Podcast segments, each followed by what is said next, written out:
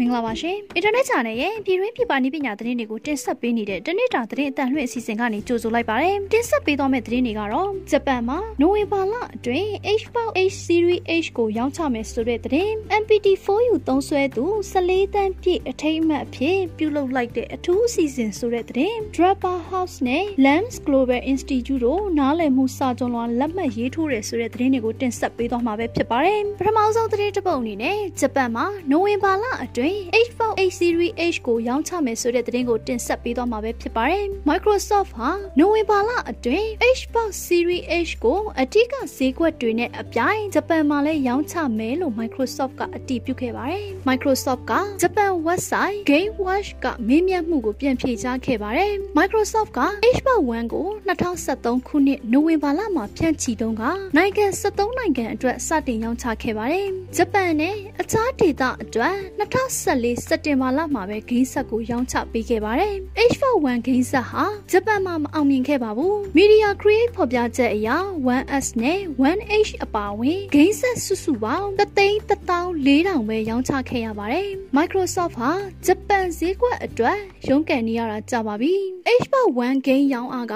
Xbox 360လိုမျိုးဂိမ်းဆက်ထက်အခြေအနေဆိုးဝါးခဲ့ပါတယ်။ Xbox 360ကတော့2014အကုန်မှာ1.65တန်းရောင်းချခဲ့ရပြီးတော့ဂျပန်မှာအောင်မြင်ခဲ့ပါတယ်။ဆက်လက်ပြီး MPT4U သုံးစွဲသူ14တန်းပြည့်အထိမ်းအမှတ်ဖြစ်ပြုလုပ်လိုက်တဲ့အထူးအစီအစဉ်ဆိုတဲ့သတင်းကိုတင်ဆက်ပေးသွားမှာပဲဖြစ်ပါတယ်။ MPT မှာ MPT4U F သုံးစွဲသူ14တန်းပြည့်မြောက်ခြင်းအထိမ်းအမှတ်ဖြစ်ကန်ထူးရှင်14ဦးအတွက်အထူးဆုအဖြစ် MPT Money ပတ်စံ10သိန်းနဲ့ data လက်ဆောင်ပေါင်းများစွာကိုပေးအပ်သွားမယ်လို့သိရပါတယ်။ ဩဂတ်လ18ရက်ကနေစက်တင်ဘာလ9ရက်အထိကျင်းပပြုလုပ်သွားမှာဖြစ်ပြီးတော့ပါဝင်လိုသူတွေအနေနဲ့ MPT4U app မှာဝတ်ထားတဲ့စက်လုံး၃လုံးကိုရှာဖွေရမှာဖြစ်ပြီးတော့တွေ့ရှိပါက MPT4U app ရဲ့ပင်မစာမျက်နှာသို့တွားရောက်ခါ promotion banner ကိုနှိပ်ပြီးတော့ရှာဖွေတွေ့ရှိထားတဲ့စက်လုံးတွေကိုဖြည့်သွင်းပေးရမှာပဲဖြစ်ပါတယ်။ ဝတ်ထားတဲ့စက်လုံး၃လုံးကိုမှန်ကန်စွာရှာဖွေတွေ့ရှိပြီးဖြည့်သွင်းပေးဖို့သူတွေအနေနဲ့ကန်ထူးရှင်တဦးလင် MPT Money ပတ်စံ10သိန်း14စုကန်တူးရှင်တဦးလည်း mobile data 5GB 900စုကန်တူးရှင်တဦးလည်း mobile data 1GB 1000စုစုစုပေါင်းစုအရေအတွက်1614စုကိုပေးအပ်သွားမှာပဲဖြစ်ပါတယ်။ကန်ထူးသူတွေကိုစက်တင်ဘာလတတိယအပတ်အတွင်းရွေးချယ်ကြီးညာပေးသွားမှာဖြစ်ပြီးတော့ MPT Money မှာငွေသားစုရရှိသူတွေကိုအထူးစုပေးအပ်ချီးမြှင့်ဖို့အတွက် MPT မှဆက်သွယ်အကြောင်းကြားပေးသွားမယ်လို့သိရပါတယ်။နောက်ဆုံးသတင်းတစ်ပုဒ်အနေနဲ့ Draper House နဲ့ Land Global Institute တို့နားလည်မှုစာချုပ်လာရေးထိုးတယ်ဆိုတဲ့သတင်းကိုတင်ဆက်ပေးသွားမှာပဲဖြစ်ပါတယ်။ Draper Studdard House နဲ့ Land Global Institute တို့နားလည်မှုစာချုပ်လွှာ MOU ကိုလက်မှတ်ရေးထိုးခဲ့ကြပြီးတော့ LGI ကျောင်းသားများမတီငွေရင်းထောက်ပံ့မှု Venture Capital Funding ရရှိနိုင်မဲ့အခွင့်အရေးတွေနဲ့ပုံမကောင်းမွန်သောတင် जा မှုအတွေ့အကြုံများပေးသွားမယ်လို့သိရပါတယ်။ဒီနှစ်စက်တင်ဘာလ28ရက်နေ့ကနေစပြီးတော့ Manchester Metropolitan University ရဲ့